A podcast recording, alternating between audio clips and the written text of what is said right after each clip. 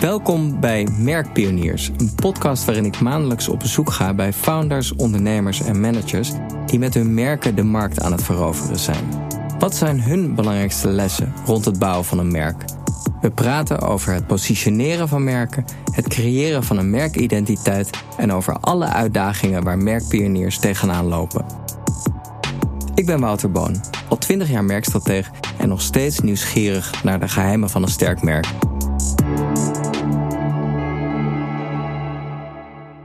Mijn tweede gast in deze nieuwe podcastserie is Jochem Hes, co-founder samen met Sjoerd Trompetter van Naïef. Een merk dat producten produceert die niet alleen goed voor de huid zijn, maar ook voor de natuur. Jochem studeerde bedrijfskunde in Groningen en begon zijn carrière bij Unilever. Daarna werkte hij een tijdje bij Google om digitale tools te verkopen aan FMCG-merken. Maar hij miste een beetje het fysieke product. Dat je in het geval van Unilever bijvoorbeeld onder je oksel kan spuiten of op je brood kan smeren. En hij had eigenlijk altijd al de droom om zelf iets te beginnen. En tien jaar geleden, toen hij kinderen kreeg, kwam alles samen. Want waarom waren er eigenlijk geen goede babyproducten, vroeg hij zich af. En wat goede babyproducten dan precies zijn, dat mag hij straks zelf vertellen. Naïef is gevestigd in Scheveningen. Maar toevallig was Jochem vandaag in Haarlem, dus daar nemen we deze podcast op. En dank Jochem dat je aan wil schuiven aan mijn keukentafel. Ja, graag gedaan. Leuk. Ja. Uh, Scheveningen, daar zitten jullie. Klopt. Hoezo in Scheveningen? Ja, Want ook... daar zitten niet veel bedrijven, heb ik het idee. Nou, er zitten heel veel bedrijven, oh ja? maar weinig persoonlijke verzorgingsbedrijven. Mm Nee, waarom? Uh, ook dat was een uh, lang gekoesterde droom. Ik woon zelf in Den Haag. Sjoerd woont uh, in Scheveningen. Is een fanatiek kiter. Dus... Oh, ik wou dat zeggen, zijn jullie surfers? Ja, ik niet. Sjoerd wel. Dus hoe dichter bij zee, hoe beter. Oké. En we, hadden, we droomden altijd al van een lelijk pand. Een, van buiten, mooi van binnen aan het strand. En dat is... dat is gelukt? Bij kantoor nummer 5 gelukt, ja. Oh, wauw. En hoeveel mensen zitten daar? Wij zijn daar met een mannetje of 40. Oké, oh, dat, is best, uh, dat is best flink. Ja. En dan wilde ik eigenlijk meteen vragen: hebben jullie daar dan ook opslag of iets dergelijks? Of wordt dat allemaal extern? Uh... Nee, alles wat wij zelf niet kunnen of andere mensen beter, besteden we uit. Ja? Dus de productie wordt uitbesteed, het hele logistiek wordt uitbesteed. We hebben een groot distributiecentrum ergens bij in de buurt van Rotterdam. En daar komen alle producten samen vanuit de verschillende leveranciers. Ja. En vanuit daar gaat het. Uh, de wereld in. Oké, nou, daar gaan we het zo nog over hebben. Ik wil beginnen bij jouw tijd bij Unilever, omdat Unilever natuurlijk de koning van het merkbouwen is. Uh, ik neem aan dat je daar veel geleerd hebt. Je studeerde bedrijfskunde in Groningen en uh, hoe, hoe, hoe kwam dat dat je toen dacht, ik ga bij Unilever? Ja, in Groningen was ik helemaal niet bezig met uh, waar moet ik nou in godsnaam gaan werken. Was ik met name bezig met andere dingen. uh, ook heel leuk. Um, en toen het einde van mijn studie naderde, uh, was ik eigenlijk van plan om bij een kleiner bedrijf te gaan werken. Alleen, die ken je niet. Je weet niet waar die zitten en welke dat zijn. Ja. En toen kwam ik uh, in contact met Unilever. Heb ik, een, ik heb één business course in mijn leven gedaan. En dat was de business course van Unilever. Oké. Okay. En dat vond ik zo gaaf. Om daar rond te lopen, om daar uh, de verschillende mensen te spreken, om in die kantoren rond te lopen. En toen heb ik gesolliciteerd en ben ik aangenomen. Had je toen ook dat je iets voelde bij, die, bij de, het soort producten dat zij maakten? Of niet per se? Nou, niet, niet, per se, denk ik. Maar gewoon de merken aan zich. Het ja. feit dat zij zoveel mooie merken hebben uh, die ze over de hele wereld verkopen. Ja. En dat in de markt zetten en die ja, soort van magie eromheen. Dat vond ik heel gaaf. En uh, ja, dat heeft mij uh, zover gekregen om te solliciteren. En het eindeloze proces in te gaan. Gewoon met hun uitstraling hadden ze. Ja, de, ja. en, en ik, ik, ik, het is de enige business course die ik gedaan heb. Dus uh, misschien als ik een ander had gedaan bij een ander bedrijf, was ik even enthousiast. Bij Nestlé of. Weet ik niet. Maar ik ben heel blij uh, en kijk met heel veel plezier uh, terug op mijn werkzaamheden ja. binnen Unilever. En van wanneer tot wanneer was dat? dat was van 2006 tot met 2011. Okay. Vijf jaar. Okay. Ja, waarvan de helft in Rotterdam en de andere helft in Brussel. En wat voor producten deed je, had je daar onder jouw vleugels? Ja, de eerste 2,5 jaar was dat Conimax. Okay. Dus uh, de, de Oosterse keuken thuis. Ja. Fantastische tijd gehad. Dat is een lokaal merk, dus je bent heel vrij in eigenlijk alles wat je doet. De meeste merken zijn, hoe ze dat noemen, global. Ja, zij maakte ook wel creatieve reclame op een Ja. moment, weet ik nog. Ja. Met Selmore, Ja, volgens mij. ja daar, daar was ik eh, bij betrokken, laat ik het Oh, zo oké. zeggen. ja. Eh, en toen na 2,5 jaar ben ik voor eh, de Deo's eh, naar Brussel eh, verhuisd. En daar was ik verantwoordelijk voor Rexona. Dat is het grootste deo-merk ter wereld. En, Alleen heet het niet overal Rexona. Nee, klopt, klopt. Hier is het Rexona, in Amerika heet het Degree. En Ah, zo ja. heb je de Shure in Engeland. Maar ook dat was heel gaaf, ook om een keer te ervaren hoe het is om een, voor een, zo'n groot merk te werken. Wat, waar eigenlijk alles bedacht wordt in andere, andere, andere landen. En dat je het alleen maar hoeft uit te voeren in de lokale markten. En het leuke daar was dat Unilever eh, destijds sponsor was van de KNVB en de NOC-NSF. En Rexona een van de merken was die Ah. naar voren werd geschoven. Dus voor mij, ja, Walhalla. ja, Ja. dat kan ik me voorstellen. Mocht je naar allemaal, had je allemaal mooie uitjes. Oh. Ja, ook dat. Maar het was gewoon heel gaaf om, eh, om je merk daaraan te koppelen. En eh, Ja. uiteraard eh, ook heel leuk om een keer naar Nederlands elftal in Zuid-Afrika te mogen. Ja. Hey, en ehm, nu hè, is dit een podcast over merkstrategie. Dus ik vraag me af, wat, wat zijn nou belangrijke lessen die je geleerd hebt bij Unilever over, over hoe je een merk managt of bouwt of inricht of de chemie eroverheen brengt? Ik denk het aller, allerbelangrijkste wat ik daar geleerd heb... is om naar de consument te luisteren. Dus naar degene die het product ook daadwerkelijk gaat gebruiken. Dus niet zozeer de koper of de retailer, maar echt de consument. Ja. En daar, hebben we, eh, daar heb ik binnen Unilever heel veel, eh, heel veel van geleerd. Ehm, en ik denk dat dat het allerbelangrijkste is voor elke ja, merkstrateeg, eh, marketeer, ondernemer... om echt zijn eindgebruiker heel goed te leren kennen. En hoe deden jullie dat dan? Ja, op verschillende wijzen. Ik, ik herinner me nog heel goed dat we op consumenten safari zijn gegaan. Is dat we eh, alle marketeers, misschien zelfs ook de salesmensen, die moesten 24 uur ehm, meedraaien in een willekeurig gezin ergens in Daar Nederland. heb ik wel eens over gehoord. Ja. En dat was echt fantastisch. Dus daar leerde ik dat een gemiddeld huishouden in Nederland eh, nasi goreng maakt met een pakje roomboter. Terwijl eh, ik druk bezig was met wokolie. En zo zie je maar hoe de consument, eh, dat de consument niet altijd zo is als jij in je hoofd hebt zitten. Dus echt die consument goed begrijpen, die hele journey, dat is echt eh, van wezenlijk belang. Oké, en daar, daar heb je vandaag de dag nog steeds... eh, eh, zit dat zeg maar nog steeds erin? Dat je nu ook met, met je huidige producten dan... Ja, zeker. Ik- te luisteren legt bij... eh, Zeker. En ik, ik denk, dat was het hele mooie toen we naïef startten. Ja, toen was ik de eindgebruiker. Dus kon ik, en het is ook gevaarlijk om vanuit jezelf te denken, Ja. maar iedereen om mij heen was het eindgebruiker. Want Ja. iedereen om me heen kreeg toen kinderen en zat met zijn of haar handen in de babyverzorging. Dus dat was in die zin wat makkelijker.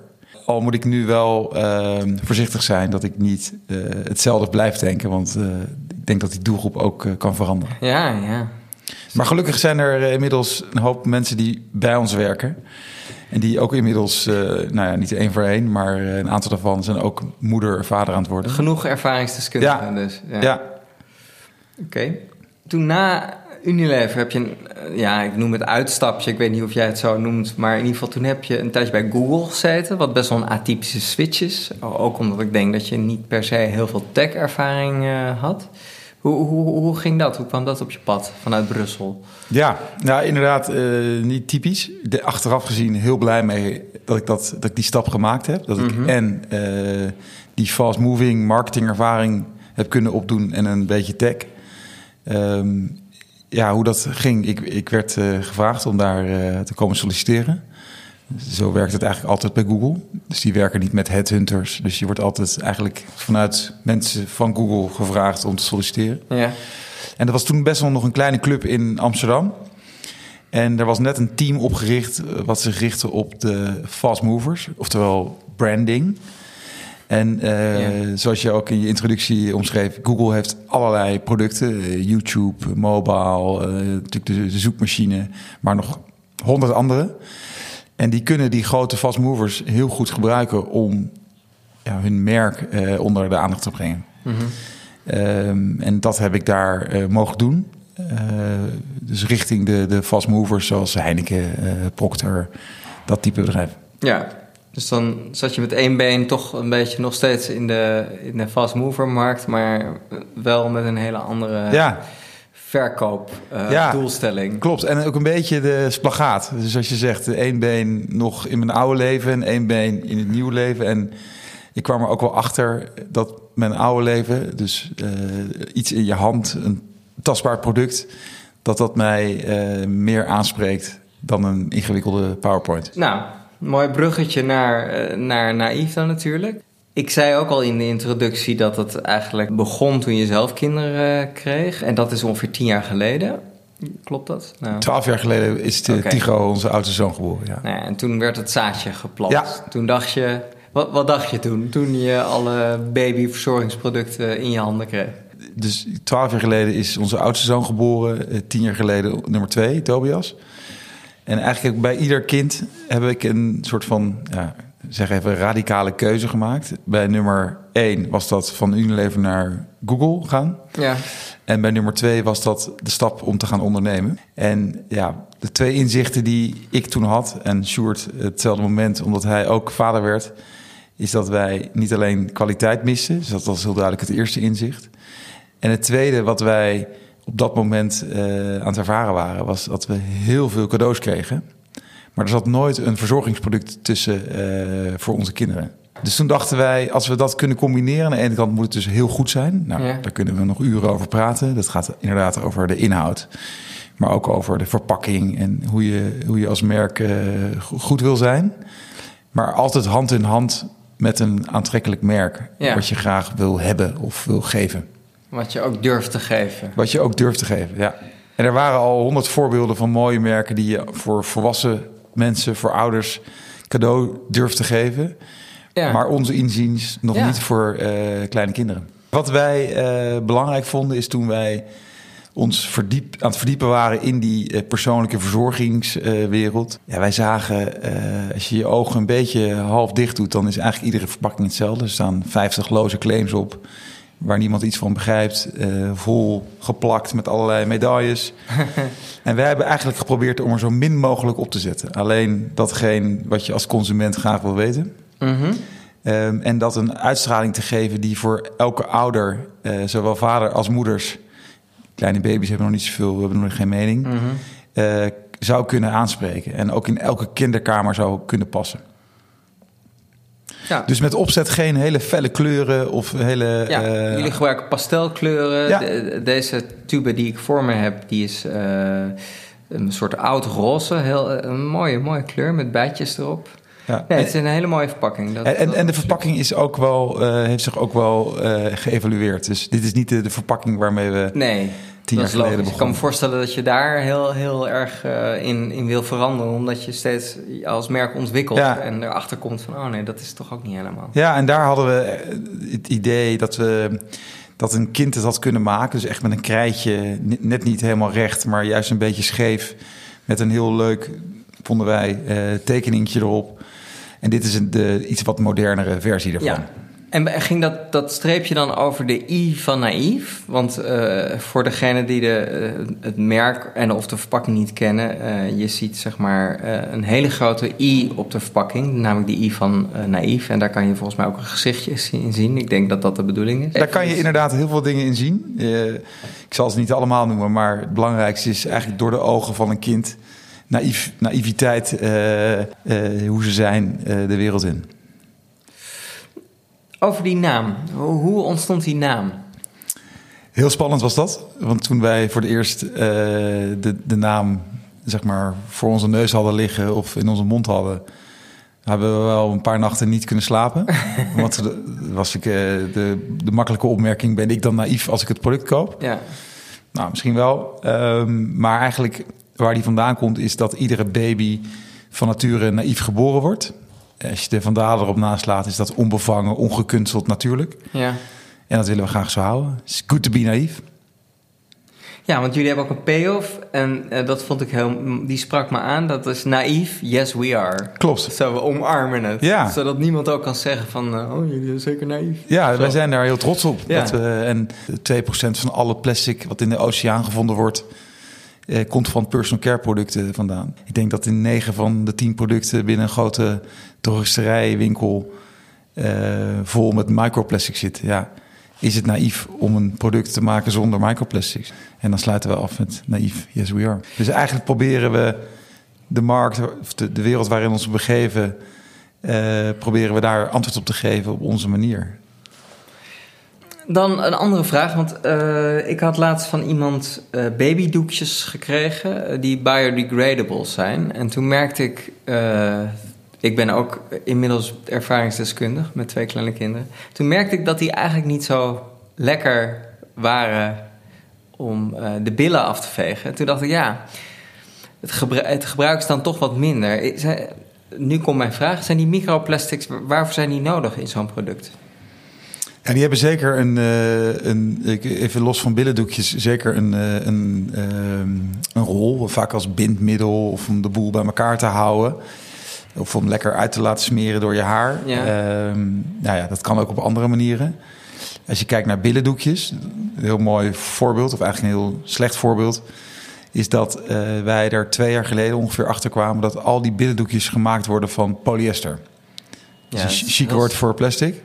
Ja. Eh, terwijl ze allemaal claimen, water, er zit water in. eh nou, dat is niet, nogal wie dus. En elke lotion bestaat voor 9% uit water. Ja. Maar niemand vertelde, ja, die doekjes zijn gemaakt van eh, plastic. Dus toen hebben wij uitgerekend, ieder pakje wipes. Ik heb vier kinderen, ik heb er een hoop gebruikt. Het bestaat voor ongeveer, zeg even, 55 gram uit plastic. Dat staat gelijk aan twee lege flessen cola. Dat is best wel heftig. Ja. Dus toen zijn we eh, samen met onze producent gaan kijken... hoe kunnen we dat nou veranderen? Hoe kunnen we deze industrie, deze categorie nou echt aanpakken? En toen zijn we uitgekomen op eucalyptusvezels. Dus onze doekjes zijn gemaakt van eucalyptusvezels. Mhm. Dus 0% plastic. Ja. En daarmee eh, maken we enorme impact. En eh, niet alleen richting de consument via de winkels, maar ook via meer dan duizend kinderdagverblijven.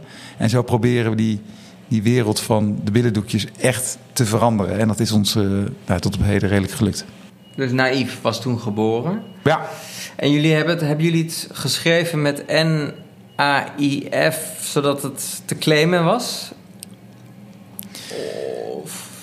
Durf ik je niet te zeggen waarom, het, waarom we de E hebben weggehaald. Ik denk eh, om het eh, A, weer een beetje anders te doen. En B, ook om het eh, met name ook in andere landen te laten landen. Ja.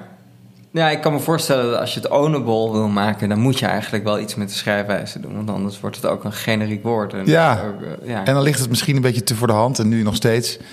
Maar ja, we hebben ervoor gekozen om het op deze manier te schrijven. Helder.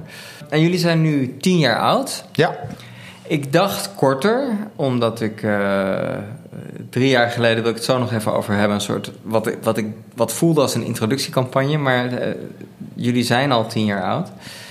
Hebben jullie voor je gevoel de tropenjaren nu een beetje achter de rug? Of, eh, Ehm, Of- in sommige of heb je opzichten. steeds weer een nieuw soort tropenjaren? Ja, denk ik wel. Dus op, op sommige opzichten zeker wel. Dus in het begin ben je aan het vechten voor, ja, eigenlijk voor alles. Ben je eigenlijk aan het wachten op iedereen. Ben je een merk probeer je te bouwen. eh, je probeert producten te ontwikkelen.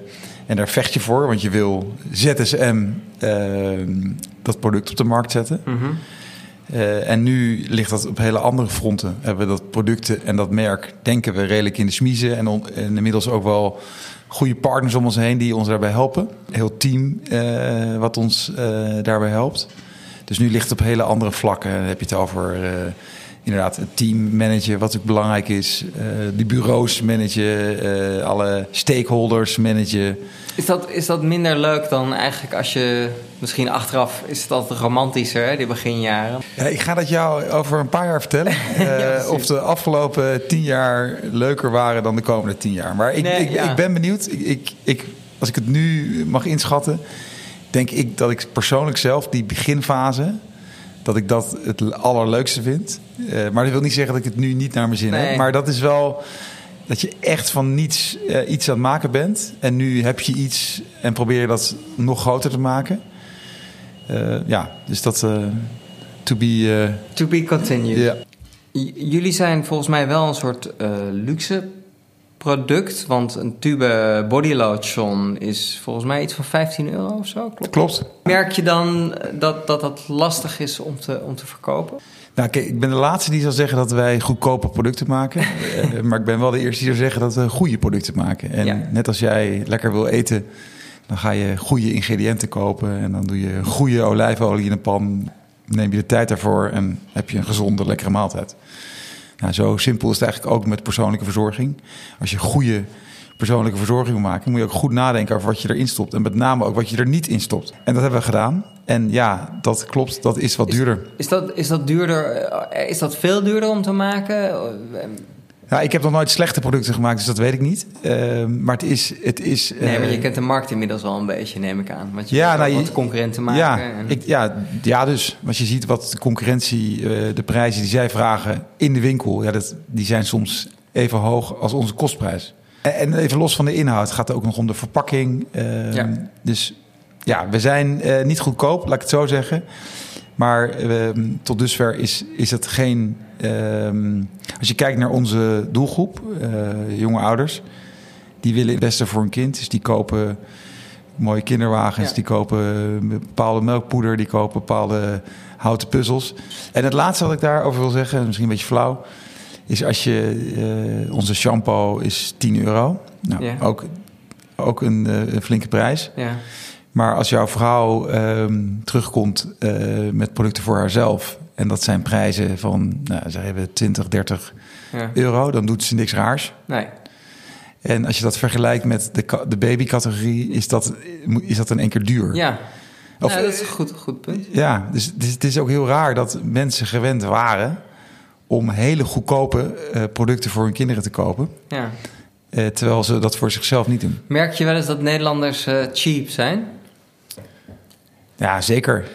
Zeker, maar niet, niet eh, ten opzichte van naïef. Natuurlijk zijn er mensen die eh, keuzes moeten maken en dus een ander product kiezen. Nou, laat ik het anders vragen. Zou je het in een ander land makkelijker kunnen verkopen? Nou, dat, dat weet ik niet zeker of dat zo is. Ah. Ehm, wat we wel zien, bijvoorbeeld in, en, eh, ja, in Duitsland is, zijn we best duur. Eh, omdat daar het, ja, het prijsstrategie in de markt is anders. Dus daar is eigenlijk everyday low price. Dus prijzen zijn relatief laag. Ja. En in Nederland heb je natuurlijk de high-low eh, pricing. Dus de ene dag betaal je de, full, eh, de volle map. Maar als het in de aanbieding is, betaal je wat minder. Ja, ja, ja. Dus als je kijkt naar de nominale prijs tussen bijvoorbeeld Nederland en Duitsland, is dat gemiddeld even hoog. Maar alleen de schommelingen zijn iets hoger. Ja, ja, ja. Ah. En natuurlijk in landen zoals Zwitserland, eh, maar zelfs in Indonesië, kunnen wij heel, ja, heel goed onze producten verkopen. Dus Op die manier. Dan wil ik het nu hebben over wat ik dan introductiecampagne noemde. Eh, en dat noemde ik zo omdat het, het was een soort teaser met alleen, een, alleen dat i'tje eh, in Ja. beeld. En ik, ik weet nog dat ik... Ik kijk natuurlijk met een reclame slash strategieachtergrond ernaar. Ehm, ik weet nog dat ik dacht, wauw, wat gewaagd. En ik, ik dacht ook, er zit vast een grote investeerder achter. Want, want anders durf je niet zo een Abri-campagne te doen. Maar dat waren jullie dus. Dat waren wij. Eh, ja. Ja, klopt. Nee, ja, en niet alles wat we gedaan hebben was eh, slim. dus eh, ik, weet, ik weet nog steeds niet of dit slim was, ja of nee. Maar dat was een periode dat we net ehm, die I als soort van hero hadden ja. Bestempeld. Ehm, we hadden onze artworks gewijzigd en we wilden heel graag eh, kenbaar maken dat dit, eh, dat hier, ja, dat dit, eh, zeg maar, gelinkt is aan ons merk Naïef.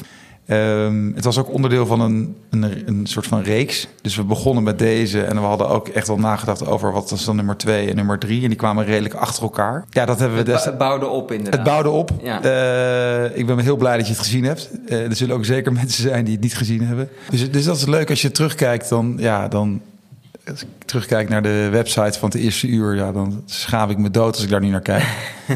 Ehm, maar hoe, hoe, je dat, hoe dat merk zich eh, geëvalueerd heeft in de afgelopen, met name afgelopen drie jaar, is echt wel, vind ik zelf, ben ik heel trots op. Want wat hebben jullie nog meer gedaan? Jullie hebben dus toen, toen die, eh, die campagne gedaan, eh, die Abris die mij opviel. Maar wat, Ja. wat, wat zijn nog meer... Ja, we hebben heel veel, eigenlijk, ja, ik zou bijna zeggen, alles wel een keer geprobeerd. Ja. om er ook erachter te komen wat werkt en wat Ja. werkt niet. Ehm, ja, dus wat we heel veel doen nog steeds is PR. Dus dat is voor ons heel belangrijk. Het verhaal van de twee vaders. De- ooit waren het twee jonge vaders, eh, helaas niet meer. maar dat, dat werkt nog steeds. En nu proberen we het ook op een andere manier te laden. Door heel erg in te spelen op ehm, eh, dat de producten goed zijn voor de natuur. Het probleem van microplastics. Natuurlijk ons B Corp-schap waar we trots op zijn. Dus, dus niet alleen meer de, jonge vaders. Wat ook belangrijk is, eh, online. Dus daar doen we eigenlijk... Ja, logischerwijs heel veel. Dus dat is eh, campagnes draaien op social, eh, de influencers, SEO, CA. Dat doen we vanaf het begin en dat doen we ieder jaar of ieder, iedere dag een beetje beter. Ben je daar ook beter in, denk je, omdat je bij Google hebt gewerkt? Of- ik, wou, als ik, ja, ik kan nu ja zeggen, maar dan lieg ik. dus ik ben daar eigenlijk zelf helemaal niet zo goed in. Je hebt daar specialisten voor. We hebben daar eh, hele goede collega's en ook hele goede partners met wie we daar eh, goed werken. Dus dat is twee. Heel veel beurzen, zowel richting de consument, zoals de negen maandenbeurs eh, een paar weken geleden, feestje van het jaar, maar ook richting eh, B2B, met name in het buitenland. In store, belangrijk, daar waar we liggen om te vertellen wie we zijn, waar we voor staan eh, en waarom de consument ons zou, nou, moeten is niet het goede woord, maar kunnen kopen. Wat we ook doen zijn partnerships. Klinkt heel groot, maar dat kan heel klein. Eh, dus kijken hoe kunnen we nou met andere merken, andere instanties. Ik noem net al even de kinderdagverblijven, maar ook ziekenhuizen. Maar ook andere mooie Nederlandse merken, zoals bijvoorbeeld Bugaboo. eh, werken we op een hele goede manier mee samen. Helpen elkaar, eh, wat, wat heel goed gewerkt heeft. En dan als laatste media inzet. Ja, dat hebben we wel eens in het verleden met plukjes gedaan. Ze deden een aantal printtitels. En ik denk dat we de afgelopen drie jaar dat we dat wat gestructureerder en wat, ook wat professioneler hebben ingezet. Eh, en daar is tot dusver, maar dat zegt niks over de toekomst. eh, out of home een onderdeel van. Radio, waar we heel duidelijk iets meer kunnen vertellen. En ook die ja, call to action naar bijvoorbeeld een retailer met wie we werken of naar ons eigen kanaal wat makkelijker Ja. kunnen overbrengen. En print eh, is ook nog steeds een onderdeel, maar dan heel gericht op onze doelgroep. Bijvoorbeeld een blad zoals Ouders van Nu of Ja. de Linda. Daar kunnen we op een hele goede manier eh, mee samenwerken.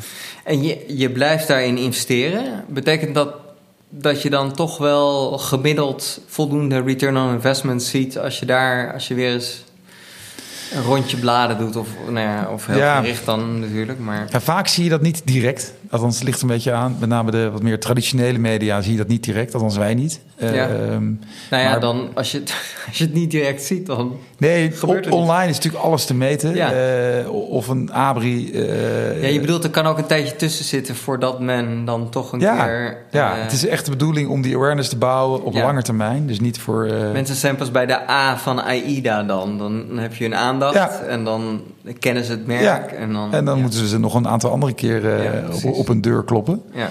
Maar wat we wel zien is dat sinds we dat ingezet hebben... is die awareness enorm toegenomen... en hebben we echt wel enorme groei als merk eh, doorgemaakt.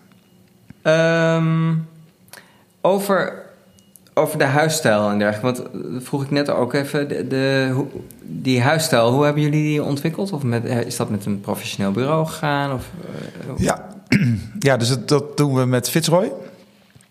Die heeft huisstijl ontwikkeld. Die heeft ons daar zeker bij geholpen. Ja. Geholpen, sorry. En dat doen we ook eh, intern. Dus we hebben best een groot creatief team eh, intern eh, in Scheveningen zitten. En daar wordt heel veel gemaakt. En dat doen we ook vaak in, met hulp van uh, Fitzroy. En de verpakking, ik weet niet of je daarop doelt, die, daar hebben we ook een, een specifieke designer voor. Hebben jullie dan ook een, een, een uitgebreid merkdocument of zo, waarin jullie dat allemaal netjes vastleggen? Ja, ja dat hebben we, een brandboek. Ja, Ja. we hebben echt een brandboek. Ja, En hebben jullie dat ook samen met Fitzroy ontwikkeld? Ze hebben ons daar zeker bij geholpen. Want dat is best lastig en het verandert eh, vaak, evolueert eh, continu. Maar we hebben wel, ehm, ja, zeker met hulp van Fitzroy en onze, eh, gewoon onze collega's, hebben we dat Ja. tot een redelijk strak document kunnen krijgen. Mijn ervaring is ook dat, dat het goed is om een frisse blik erbij te hebben. En ook een creatieve blik. En eh, kijk, de, de, de, de kennis over het merk moet natuurlijk uit jullie komen. Maar om dat net op een wat interessantere manier te vertellen... dat is Ja, inderdaad dat- wel fijn om een... eh, Ik vind dat ook best lastig om dat op, op een goede manier weer te geven en te vertellen. En zijn er dingen uit het brandboek die je zou kunnen delen... waarvan je zegt, nou, dat is wel echt typisch naïef? Nou, ik denk dat waar het allemaal begint is natuurlijk onze... Het is een beetje een, ehm, een populair woord, maar onze purpose. Ja. Eh, maar dat is voor ons wel een hele belangrijke. Klinkt een beetje afgezaagd, want het is een, eh, een woord dat iedereen gebruikt. Maar voor ons wel heel belangrijk dat dat ja, logischerwijs er is. Dat eh, alles bij elkaar houdt. En wat is die purpose dan? Ja, dat is, jullie de korte versie is good care, worry free. En eh, de lange versie is we believe in a world where personal care can be good care without the worry. Without the worry. Ja, zij willen goede producten maken, niet alleen eh, voor de huid, maar ook voor de natuur. En zodat ouders eh, die toch vaak onze producten kopen, zich geen zorgen hoeven te maken als ze product, onze producten kopen. Ja, nou wat, wat je ziet natuurlijk is dat heel veel merken dat tegenwoordig ook zoiets opschrijven als purpose. Good for the planet, of good for the people. Ja. Maar dat, het, dat ze het niet altijd echt waarmaken, weet je. De- ik denk dat dat het gevaar is van de komende Zeker. tijd. Dat iedereen dat gaat roepen, waardoor de merken die er echt mee bezig zijn misschien eh, wat, meer, eh, wat, wat minder opvallen. of Ja, zo. Maar ik denk dat als je... ehm, Kijk, iedereen heeft een purpose. De slager, de bakker, eh, iedereen. Eh, niet alleen iedereen weet wat dat is, of wat het is. Mhm. Wij, bij ons zat hij er altijd al, maar om dat goed op papier te krijgen eh, is best lastig. Ja. Dus dat hebben we echt als team, daar heeft ook iemand bij geholpen. Ehm, maar die zat er altijd al. Dus alles wat wij eh, gedaan hebben Ja. tot dusver, eh, ja, komt vanuit die purpose. Ja, En het is echt niet dat we elke dag met een papiertje ernaast zitten van... Hey, is het wel on purpose? Nee, nee, nee. Maar zo is het merk ontstaan. Ja. En zo zijn we dat nu verder aan het uitbouwen. Ik, ik zag een uiting van jullie eh, en met de payoff die me dus aansprak, naïef, yes we are. Ehm, dat ging over microplastics. Hadden jullie een petitie opgesteld voor de Europese Commissie Ja, om, nu moet jij het precies zeggen, maar ik, volgens mij om alle merken te verplichten geen microplastics meer te gebruiken. Klopt. Klopt dat? ja. Krijg je, krijg je daarmee dan veel tractie? Merk je, merk je daar iets van? Ja, dat is een manier, het is niet de enige manier, maar om ons merk te laden en om te, Ja, aan te geven tuurlijk. vanuit de purpose wat wij belangrijk vinden. Eh, en dat is dit zeker. Dus al onze producten zijn 100% microplastic vrij. Dat klinkt heel normaal, maar dat is het helaas niet. Eh, dus wij vinden het belangrijk dat niet alleen wij dat doen, maar ook andere merken dat doen. Dus vandaar dat wij onze handen ineen hebben geslagen met in dit geval de Plastic Soup Foundation. Waar ook weer een aantal andere merken aan verbonden zijn. Eh, en samen met al die andere merken hebben we deze petitie gesteund, of in ieder geval opgeroepen om te tekenen. Om dit voor elkaar te krijgen. En het leuke is natuurlijk dat daar ja, dat dat opgepikt wordt en dat daar eh, over geschreven wordt. En dat wij daar dan eh, ook in genoemd worden, is natuurlijk fantastisch.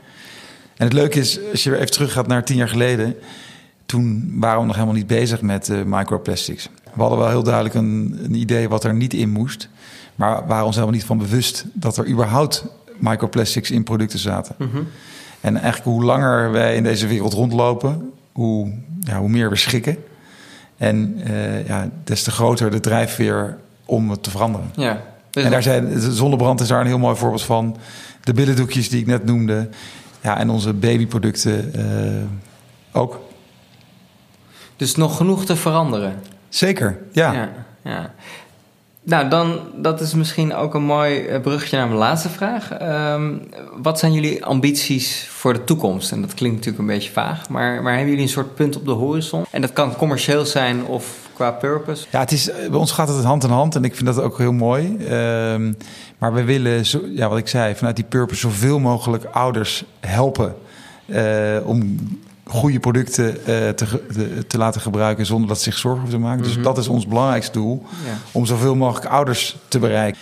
En zo verder het merk groeien. We, we hebben niet de ambitie nu om de hele wereld te veroveren. Nee, precies. Niet, niet zo'n soort ambitie. Want de dingen die je noemt, dat begrijp ik heel goed. Maar ik kan me voorstellen dat je die een aantal jaar geleden ook al een soort van... Ja, weet je dat je dat als je een merk in de markt aan het zetten bent... dan zijn die elementen altijd belangrijk. Ja, nee, het mooie is dat we nu, eh, natuurlijk hebben we een hele duidelijke strategie. En dat is misschien niet helemaal voor dit gesprek. Dat we nummer één willen worden met baby in de Benelux. Ja, dat, daar zijn we hard op weg. Dat is ons doel. En om dat te, te, te dupliceren in de Duitse markt, ja, dat is ook een heel duidelijk doel. Een duurzame purpose heeft ook een businessmodel nodig. Zeker. Ja, Ja, ja. en wat eh, ik vind het heel mooi, eh, wat Henk-Jan Beltman van Tony's ooit zei, is van...